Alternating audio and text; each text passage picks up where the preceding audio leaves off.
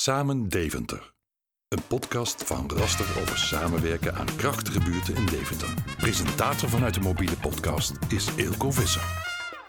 Welkom bij editie 13 van Samen Deventer, waarin je hoort hoe Raster samen met bewoners en andere organisaties werkt aan krachtige buurten in Deventer. Met in deze editie jongerenwerker Fabian Schrijver over adres onbekend, manager kinderopvang Jacqueline Roelofs over beslisbomen en teststraten Opbouwwerker Marieke Peet vertelt waarom iedere Deventenaar naar de nieuwe podcastserie Aan de Stok met moet gaan luisteren. En met jongerenwerker Robin Ooms en preventiewerker Gijs van Houwelingen van Tactus ga ik in gesprek over hun samenwerking rondom het nieuwe fenomeen lachgas. Maar nu eerst.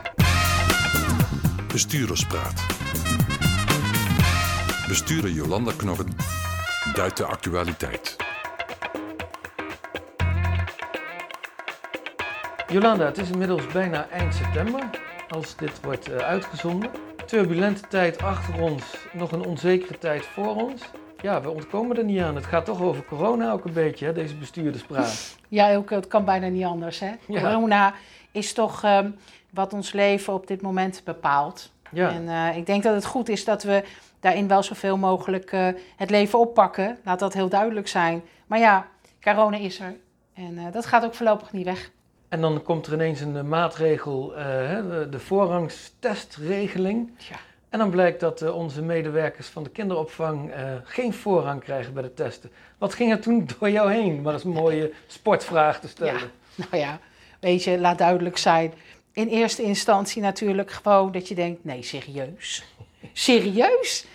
Vol ongeloof eigenlijk. Dat ik dacht, jeetje, dit zijn uh, de mensen die ook uh, vooraan staan als we het hebben over uh, ouders uit met cruciale beroepen de mogelijkheid geven om hun werk te kunnen doen. Ja dus die zorgpartijen, weet je, daar wil ik het helemaal niet over hebben. Die mensen uit de zorg, die zijn echt heel belangrijk in deze, deze situatie. Maar ja, uh, als je kinderen hebt, moet je ook wel kunnen werken. Want als je niet kan werken, nou ja, dan wordt het natuurlijk heel lastig. Uh, dus ik was vol ongeloof en ik had ook mijn eerste neiging... Was ook om, om daar natuurlijk iets van te vinden en daar boos over te worden. Nou, en ieder die mij een beetje kent, die weet ook wel dat dat bij mij ook wel gebeurt. Gelijktijdig uh, dacht ik, uh, ik ga graag die discussie aan. Ik wil graag die discussie aangaan. Want ik weet ook dat het best lastig is, en dat realiseer ik mij heel goed, welke partijen nu wel voorrang kunnen krijgen en welke niet. Dat snap ik heus wel. Ja. Dus ik dacht, laat ik hem nou eens omdraaien. En wat doen wij eigenlijk binnen welzijn? Hè? Want zoals je weet hebben we natuurlijk binnen Raster niet alleen maar kinderopvang, maar ook welzijn. En wat doen wij nou daar met, met, met mensen in de wijk? En dan gaat het eigenlijk over eigen verantwoordelijkheid. Ja. Dus ik ben op dat moment gaan kijken van hoe kunnen we vanuit die eigen verantwoordelijkheid iets regelen. Nou, dan uh, uh, hebben wij een uh, arbodienst die uh, dit aanbiedt. Ik heb de overweging gemaakt van ja, als wij uh, er een aantal dagen, hè, omdat de GGD gewoon niet anders kan op dit moment, een aantal dagen moeten wachten voordat we getest kunnen worden en een aantal dagen moeten wachten mogelijk op de uitslag. Ja, dan komen we met gaten te zitten ja, op de kinderopvang. Ja, ja, en dat, dat betekent natuurlijk niet alleen iets voor de medewerkers, maar dat betekent ook iets voor de kinderen, dat betekent ook iets voor de ouders. En dat betekent voor ons als organisatie iets. Dus uh, we hebben besloten dat op deze manier op te vangen. Vanaf afgelopen vrijdag kunnen we eh, door middel van uh, de, onze arbodienst kunnen mensen eerder getest worden. Kijk, het is natuurlijk niet zo moeilijk om dingen aan te geven als professional in een wijk. Hè? Dat je zegt, goh, mensen moeten toch zelf kijken naar mogelijkheden. Waar kan je dan wel iets betekenen?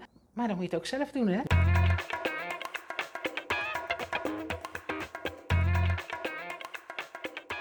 Is er iets waarvan jij zegt, nou dat heb ik nou het laatste half jaar wat achter ons ligt, dat heb ik echt wel geleerd over de samenleving, over ons werk, over hoe we met elkaar in het leven staan? Ik vind het persoonlijk heel boeiend om naar mensen te kijken en te zien wat hun beweegt in hun overwegingen en hun handelen. En uh, corona laat dingen zien. Ik heb mensen gezien, uh, organisaties gezien die floreren. Waar ik heel, heel gelukkig van word en denk: jeetje, dit zijn ook uh, organisaties waar ik heel graag mee samen wil werken. En ik denk dat als we kijken naar de rest van de podcast, dan uh, komen er ook vast voorbeelden naar voren die dat ook laten zien. Die ook laten zien hoe het is om uh, uh, te floreren in een tijd die niet zo makkelijk is. Ja. Want laat duidelijk zijn, we hebben het allemaal op dit moment best ingewikkeld, laat ik het maar zo noemen. Het is niet de meest makkelijke tijd en nu bagatelliseer ik het bijna. Maar hoe knap is het als je dan mensen tegenkomt die zelfs daar uh, nog in staat zijn om er iets moois van te maken in gezamenlijkheid. Dus ik kan niet anders dan zeggen: luister lekker verder naar uh, de podcast en uh, blijf op elkaar letten. Samen aan het werk. Een bijzonder samenwerkingsproject in de Spotlights.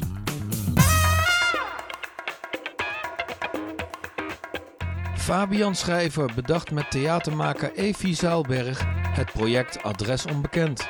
Geheel coronaproof praten we erover via Zoom, waardoor je af en toe ook de kat van Fabian hoort rondscharrelen. Fabian, kun je ons allereerst even heel kort mee terugnemen naar de start van Adres Onbekend? Waar kwam het idee vandaan? Het idee kwam eigenlijk van, van Evie en mij samen en, en er was zoveel verandering eigenlijk bij corona, of het begin van corona. En, en mensen gingen de supermarkten leeghalen. En ja, we dachten echt een beetje, wat gebeurt hier? En, en van daaruit dachten we van, hoe beleven andere mensen dit? En nou, toen zijn we gaan kijken van, uh, hoeveel generaties leven er op dit moment in, in Deventer? Nou, misschien kunnen we wel iets bedenken waardoor we kunnen ontdekken van hoe deze mensen dat allemaal beleven. En dan met het idee om ook zoveel mogelijk verschillende achtergronden te betrekken. Uh, dus zodoende zijn er eh, wethouders, andere raadsleden, maar ook mensen uit de zorg, een docent. Die zijn allemaal aangehaakt. En natuurlijk eh, jongeren ook.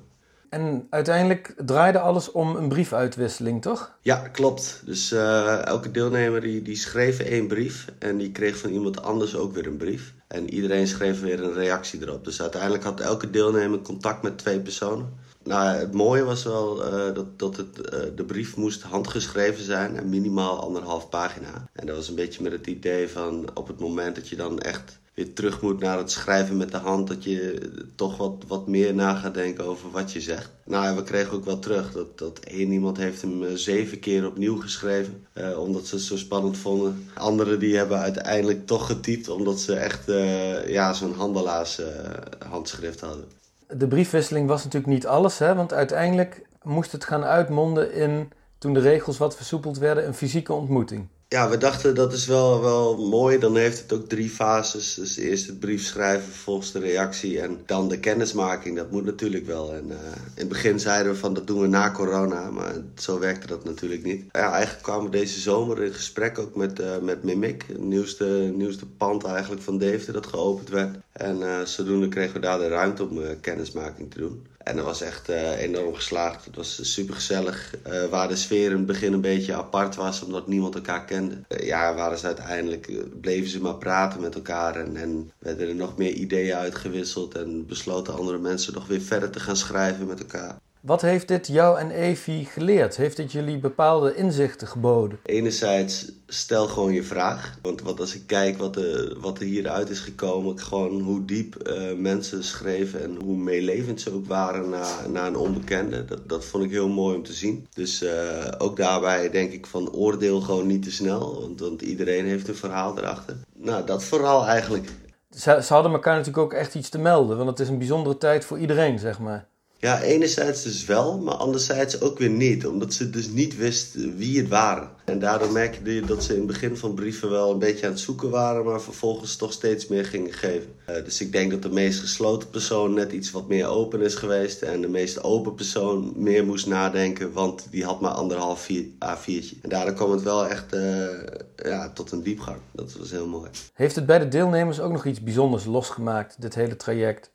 Ja, ja, absoluut. Naast gewoon de spanning van het schrijven en, en ja, het niet weten met wie je schrijft. Dat, dat is die spanning, die onzekerheid, die hebben ze allemaal wel beleefd. En er deden ook mensen van 80 plus mee. En die belden ook nog van ja, nou, ik weet niet of het wel goed is en zo. Dat, maar ook ik denk dat de mensen er nog meer door zijn gaan nadenken over wie ze zijn en waar ze stonden. En, en dat ook echt open van een ander wilden aanhoren. Waar eigenlijk de maatschappij altijd super snel uh, gaat en, en nou ja, we misschien te weinig of tijd hebben voor een antwoord werd er hier wel echt dieper op elkaar ingegaan. Nou ja, het was heel mooi, want, want een aantal deelnemers die zeiden al van... door het schrijven van een brief ben ik zo geraakt dat ik ook naar andere familieleden brief ben gaan schrijven.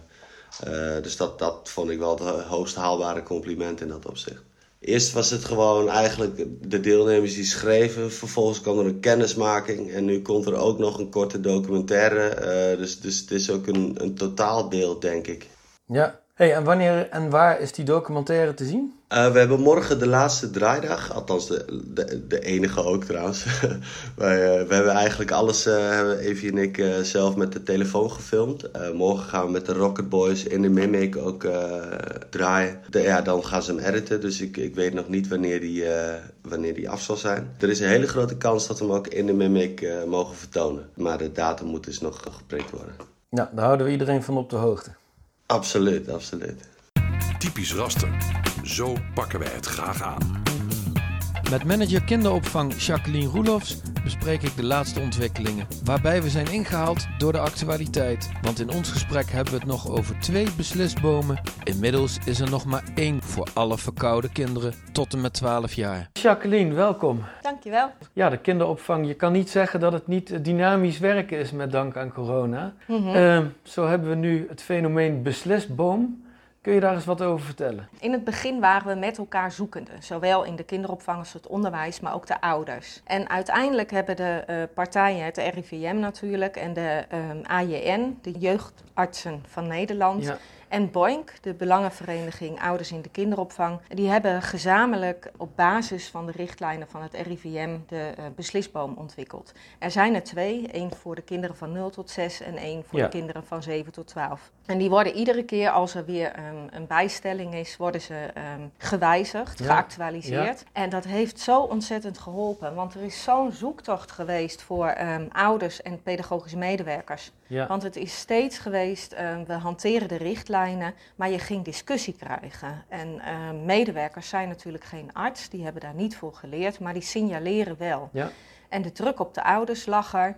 Weer een verlofdag opnemen om hun um, kind met klachten thuis te houden. Maar ook de medewerker. Er was heel veel samenwerking en samenspel, maar op enkele plekken hebben we ook ook niet alleen bij ons, maar op alle plekken gezien dat het ook wel eens wat schuurde. Het is heel simpel, deze klachten wel niet, je gaat door naar de volgende stap. Dus iedere keer als er een aanleiding is, dan wordt die uh, vernieuwd.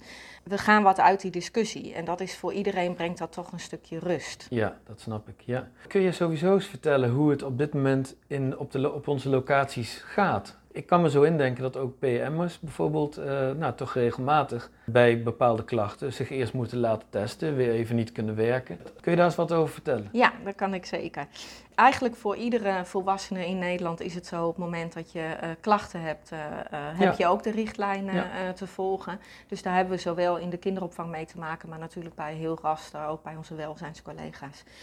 alleen omdat je ehm, dus ook weer vervolgens op de groep staat, hebben we af en toe vervangingsuitdagingen. Dat lukt tot nu toe nog steeds. We zijn ook heel erg blij dat onze eigen teststraat in het leven is gekomen echt een medewerker die zich vanochtend gemeld heeft, zich binnen anderhalf uur kan laten testen. En uh, als het goed is vandaag dan ook nog die uitslag heeft. Dat um, helpt ja, enorm mee in je vervangingsproblematiek. Uh, de uitdaging inderdaad voor de medewerkers uh, om, om alles goed pedagogisch en, en vol kwaliteit te laten draaien, die hebben we met elkaar.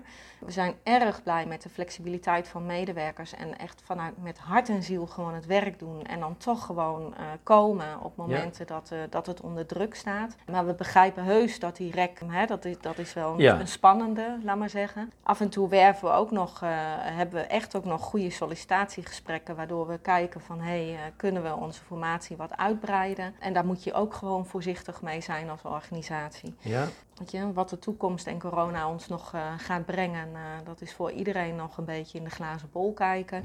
Maar we zien gewoon op dit moment dat er wat kinderen uitvallen met klachten. Hè, als je uh, klachten hebt, uh, blijf je nog steeds alert als ouder ook. Nou ja, goed. En, en medewerkers, uh, we gaan een beetje herfst in. Hè? Dus dat betekent dat de griepjes ook wat komen. en wat is nou wat? En ik vind echt hoor, alle bewondering hebben we voor onze medewerkers. Hey, nog even terug naar het begin van ons gesprekje. Kun je nog even vertellen waar ouders de beslisboom kunnen vinden? Op het moment dat er weer een wijziging is, dan komt hij op onze site. Wij zullen ouders ook de mail sturen met de bijgestelde beslisboom. Um, en alle andere mensen kunnen natuurlijk uiteraard op uh, onze site kijken. Ja. Maar als je googelt op beslisboom, uh, de meest actuele versie, dan vind je hem ook. Wij zijn er in ieder geval heel erg blij mee. En nu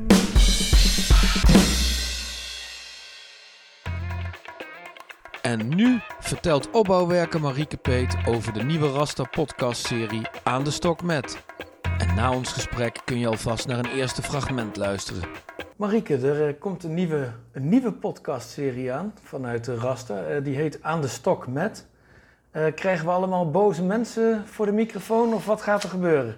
Ja, ik snap dat die titel dat met je oproept, maar we bedoelen hem eigenlijk heel positief. Aan de stok met uh, is eigenlijk een beetje geïnspireerd door de coronatijd, waarin we allerlei dingen op afstand gaan doen. Het is niet zo dat we nou echt allemaal corona-dingen gaan doen, maar dat we aan de stok met een microfoon, zeg maar, nou, Deventer doorgaan. En uh, dat doen we met een heel leuk bamboestokje met een microfoontje eraan, zodat we wel ons werk kunnen doen. Want we hebben natuurlijk geen zin om uh, leidzaam af te wachten tot dingen anders gaan. We gaan gewoon door. Wat krijgen we te horen in Aan de Stok met? En wie krijgen we te horen, behalve jou en Judith Elders, jouw collega? Nou, we hebben ontzettend veel zin eigenlijk om uh, de stem van bewoners uit Deventer te laten horen. We hebben daar wat ervaring op gedaan in de lockdown-periode. We hebben namelijk radio gemaakt met ouderen, voor ouderen. En dat vonden we zo ontzettend leuk, want er kwamen allerhande verhalen van mensen aan bod. En daar hebben ook andere mensen weer ontzettend van genoten, waarvan wij dachten, joh, dat kunnen we gewoon door blijven doen. En dan doen we dat in een andere vorm, de podcast. Mag een beetje qua inspiratie denken aan Man bij het Hond. We willen eigenlijk gewoon verrast worden. We willen de straat op, de gemiddelde Deventer bewoners spreken, hen laten vertellen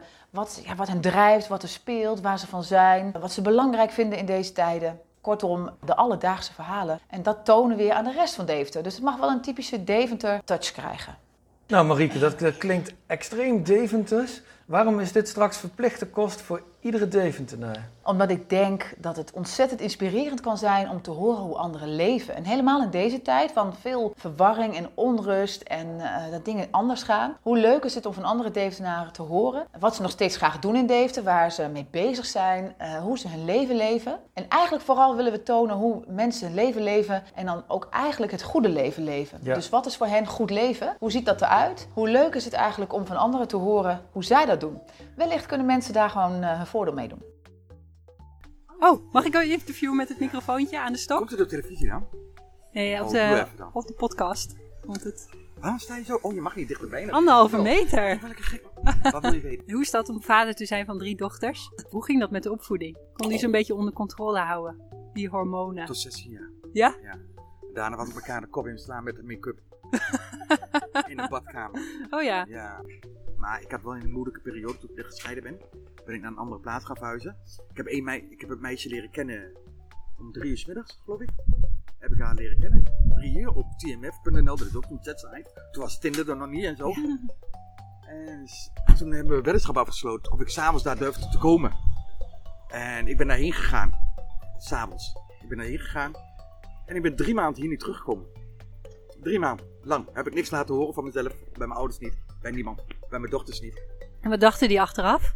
Maakt hij zich zorgen? Nee, nee, nee, Ik heb wel even gebericht zo, dit en dat. Maar ik wou mezelf even weer vinden. Ik was helemaal... Uh, ik was mm -hmm. de weg kwijt. Toen, en nu heeft u thuis weer gevonden in Deventer? Ja, hè. Een nieuwe vriendin. Oh of ja? Een nieuwe. Niet dat ik hem uit de verpakking heb gehaald, maar... wel een, uh, een... Echt een hele, hele, hele gave vrouw. Ja? Ja, super. Ook een echte Deventerse zoals u? Ja, ja, ja, ja, ja, ja, ja. ja. Ze woont aan de IJssel, dus... Uh, ah. En ik woon op, uh, bij de Scheg. Dus mm -hmm. uh, perfect. Samen aan het werk. Een bijzonder samenwerkingsproject in de Spotlights. Tactus Verslavingszorg en Raster zoeken elkaar in verschillende projecten op. Zo ook rondom lachgas. Ik sprak er via Zoom over met jongerenwerker Robin Ooms van Raster en preventiewerker Gijs van Houwelingen van Tactus. Gijs en Robin, hartelijk welkom in de podcast. Uh, we gaan het hebben over lachgas. Robin, kun jij eens even vertellen hoe lachgas bij Raster op de radar is gekomen? Nou ja, eigenlijk zijn wij altijd uh, op straat te vinden en zijn we altijd in gesprek met de jongeren. Uh, en zodoende kwamen wij dus uh, een tijd geleden al bekend met, met lachgas. Jongeren gebruiken het, het zijn vaak de wat oudere jongeren. Het is gewoon een actueel item. Het speelt veel onder jongeren, dus dan moeten wij als jongerenwerkers daar wel wat mee. dus zodoende kwam dat een beetje bij ons op de radar.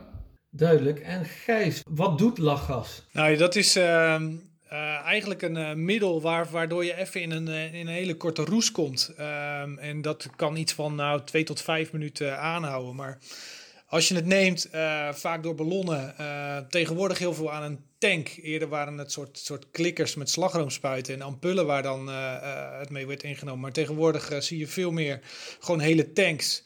Um, en dan, ja, dan, dan, dan neem je dat en na 20 seconden werkt het. En dan krijg je een, een, een, lichte roes.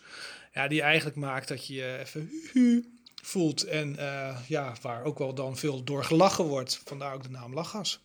En wat zijn nou eigenlijk de grote risico's voor jongeren en hun omgeving? Nou, in ieder geval, uh, je neemt iets anders dan zuurstof. Uh, en dat betekent dat je eigenlijk een, uh, ja, een klein zuurstoftekort in je hersenen aan het opwekken bent. Als je, daar, als je heel veel lachgas neemt. En daar zie je daar dan ook de schade dus door ontstaan. En, en bij langdurig gebruik ja, kan dat schade zijn aan het, aan het zenuwstelsel, uit, uitvalverschijnselen. En met name een vitamine B12 tekort. Dat is eigenlijk heel kort wat er bekend over is. Er is ook heel veel nog niet bekend.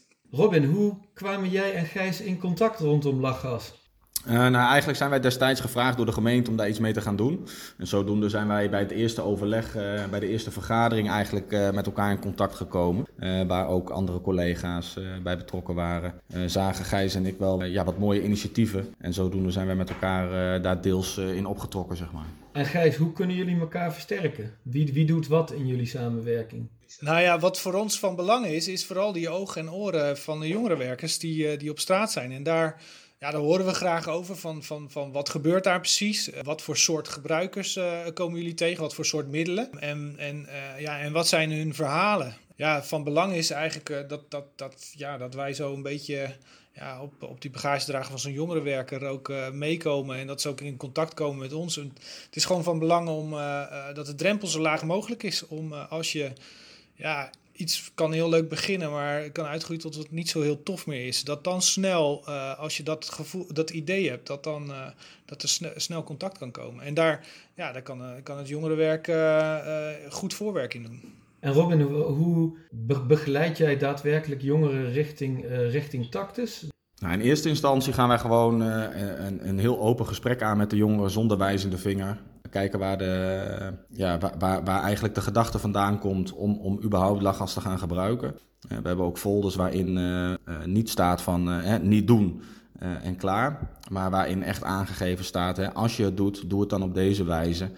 maar doe het liever niet, want het heeft deze consequenties. Hè, zo hou je echt een open gesprek met de jongeren en hebben ze ook het idee van, ik word niet afgekeurd voor, voor de persoon die ik ben. we kunnen daar gewoon een open gesprek over voeren. En dat is wel het mooie hiervan. Nou ja, als we echt diepgaande gesprekken krijgen met de jongeren en de jongeren geeft echt aan van ik heb, ik heb hier hulp in nodig, ik merk dat ik, dat ik niet verder kom en dat ik het vaker gebruik, dan kunnen wij de jongeren doorverwijzen naar Gijs, waar zij dan, dan, dan, dan gesprek kunnen gaan krijgen. Nou, en dat is volgens mij ook het belangrijkste, hè? Dat, er, dat het gesprek waar aan wordt gegaan en dat, dat, wat mooi zou zijn als het oplevert, dat er nagedacht is van hé, hey, wat is nog wel oké voor mij en wanneer is het niet meer oké? En dat daar, daar, dat, dat daar iets van, uh, ja, dat dat op gang wordt gebracht in zo'n uh, gesprekje wat zo'n jongerenwerker heeft met een aanleiding, nou, een goodiebag die, die gegeven, gegeven wordt. Ja, dat dat, dat, dat dat kan ontstaan, dat iemand daar gewoon even zelf over nadenkt. Dat is eigenlijk en waar je eventueel verder dan later nog eens op door kan bouwen, inderdaad. Hey, en waar kunnen jongeren als, uh, als jongeren of ouders of mensen die dicht bij jongeren staan dit horen? Uh, waar, waar, zouden ze terecht kunnen om meer informatie hierover te krijgen? nou ja, in eerste instantie zijn we gewoon altijd in de wijk te vinden. En we zorgen dat, dat, dat het contact heel laagdrempelig al gevoerd kan worden. Ehm, daarnaast hebben wij eh, social media kanalen op, eh, op, eh, op Facebook, op Instagram en YouTube, waar wij ja, altijd wel veel informatie verstrekken over, over dit, over dit middel, zeg maar. jongeren kunnen ons daar vinden. we hebben QA's één keer in de week. of twee keer in de week zelfs, waar jongeren met al hun vragen terecht kunnen. En voor de rest staan onze social media kanalen altijd open voor alle vragen die zij willen stellen. Maar gaat het echt, echt wat verder en wil de jongere echt een behandeling aangaan, dan verwijzen wij dus door naar, naar Gijs, om, omdat hij de specialist is. En wij gaan echt ja, vooral het, het, het gesprek aan. En Gijs, is er, is er een plek bij jullie waar jongeren meer informatie over bijvoorbeeld de werking van lachgas en de, de, de risico's kunnen vinden? Nou, sowieso hebben we daar uh, nou ja, gewoon onze eigen website voor, drankendrugs.nl, waar je meer informatie uh, kunt vinden. Als het om ouders gaat, die kunnen ons ook gewoon bellen. We hebben een tactisch advieslijn waar je gewoon uh, naartoe kan bellen en met je vraag terecht kan al is het over een werking of is meedenken over van, uh, van nou ja, wat, uh, wat, wat zie je bij je kinderen? Of maar ja, goed, jongeren kunnen daar ook zelf naar bellen. Eigenlijk om uh, ja, zo laag laagdrempelig mogelijk in contact te komen. En dan wil het ook niet zeggen, je bent gelijk cliënt bij Tactus of de verslavingszorg of zo. Gewoon iemand die met je meedenkt. En dat kan eenmalig zijn of nou, wat er dan ook uit voort kan komen. Dat kan, alles kan. U luisterde naar Samen Deventer. Een podcast van Raster over samenwerken aan krachtige buurten in Deventer. Wilt u meer informatie over rasterwelzijn en Samenco? Bezoek dan onze website www.rastergroep.nl. Wilt u reageren op deze podcast? Ons een tip geven, een compliment maken of wellicht een mooi samenwerkingsproject aandragen? Mail dan naar podcast.rastergroep.nl. Bedankt voor het luisteren.